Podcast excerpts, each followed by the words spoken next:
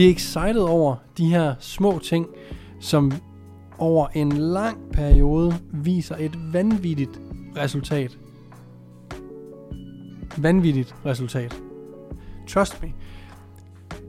Dem der, det er det, oh shit man, det er det samme med dem der, man føler er overnight success.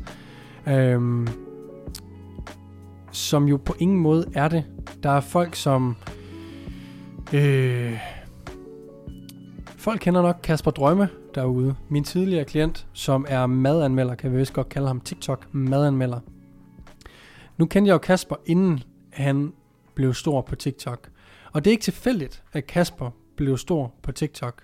Det var ikke bare fordi, at han gik viralt på et par videoer over natten, og så stak det af.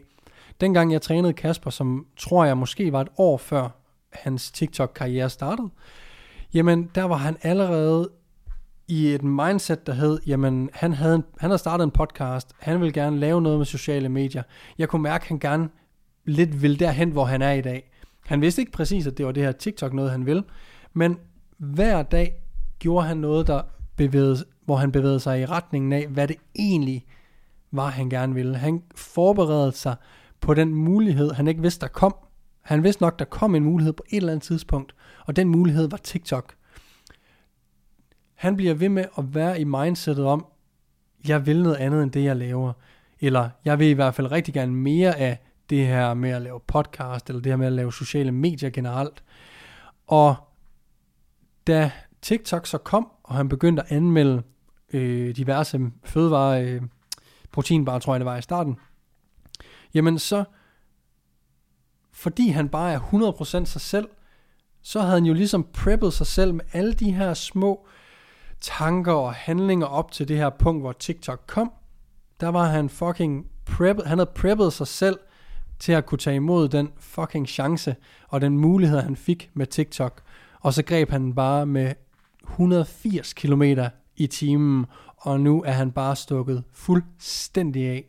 Det samme er sket med J.C. Willumsen, uh, the dude who uh, doesn't speak that very good English, uh, but you have a nice day out there. Han, jeg tror, han gik viralt i anden lockdown, men jeg var inde og tjekke, og jeg er ret sikker på, at han lavede det her engelske. De her videoer, han er gået viralt på, dem lavede han fucking også i første lockdown. Men hvis han var stoppet i første lockdown, fordi det ikke gik op viralt, han lavede det jo ikke for at gå viralt. Han gik viralt, fordi han er så unik, og det samme med Kasper. De gør det, fordi at de gerne vil det. De, vil, de synes, det er sjovt. De ligger deres puslespilsbrikker dag efter dag efter dag. Og lige pludselig, lige pludselig, så kommer den chance, man har ventet på, den chance, man har forberedt sig på, man ikke ved, hvad præcis er, men man arbejder sig bare hver dag og venter på, at en chance kommer, og når den så kommer, så tager man den med 180 km i timen. Og det bliver man nødt til at forberede sig på hver evig eneste dag. Også selvom det kun er én puslespilsbrik, du får lagt i dag, så er den vigtigere, end at du ikke fik lagt en. Så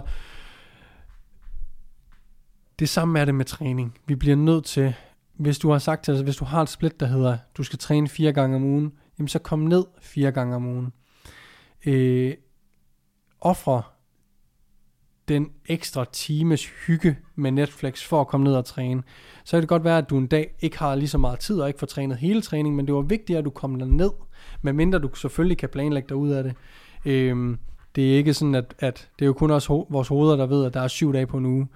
Så hvis du får lavet otte træninger på 14 dage, hvor det var tre en uge, fem en anden, så er det jo også okay. Men det er mere mentaliteten af, at man får nået det, man sætter sig for. Når man har sat et mål, så handler det om at få gjort det, man skal hver dag, og gøre et eller andet hver eneste dag, også selvom det er weekend, for at komme hen mod sit mål. Og der er ikke de her tips, som Tobias Dybvad spurgte om, med hvordan investerer jeg hurtigst muligt og får hurtigst muligt penge ud af det. Der er ikke de her hurtige øh, tricks og tips til at komme i mål med ens investering. Der er heller ikke nogen secret tricks til, hvordan du bliver buff og bliver stærkere hurtigere og bliver øh, større hurtigere. Vi har nogle generelle ting, vi skal vi ligesom skal opfylde. Vi skal lave progressive overload, vi skal træne tæt på failure og så videre. Og for nogen, der handler på et eller andet tidspunkt, så går det op i en højere enhed. Man forstår rent faktisk, hvad progressiv overload er. Du sidder måske derude og ikke helt ved, hvad det er. Du sidder måske derude og ikke helt ved, hvad det vil sige at træne til failure. Øh, der kommer et tidspunkt i ens træningskarriere, hvor mange af de her ting, fordi man går meget op i det, og fordi man træner hver uge, og fordi man gerne vil det her, så bliver man klogere og klogere for hver uge, for hver måned, for hver år, der går. Og på et eller andet tidspunkt, så er der nogle ting, der slår klik, og det kan være en game changer for en, at okay, men det var der, jeg begyndte at se de voldsomme gains. Og det er sådan lidt sådan, det er med at få en personlig træner faktisk. Det er, at nu kommer der en, der ved de her principper, kender de her principper, og ved, hvordan man rent faktisk øhm, tager dem i brug rent praktisk. Og hvis en klient bare følger den personlige træners råd 100% og stoler 100% på ham eller hende, jamen så skal de nok komme meget hurtigere i mål, end hvis de hele tiden prøver at speede processen op. Hvis du tager et år, et år med en personlig træner, så skal du nok rykke dig, hvis du hver uge gør, som der bliver sagt, basically.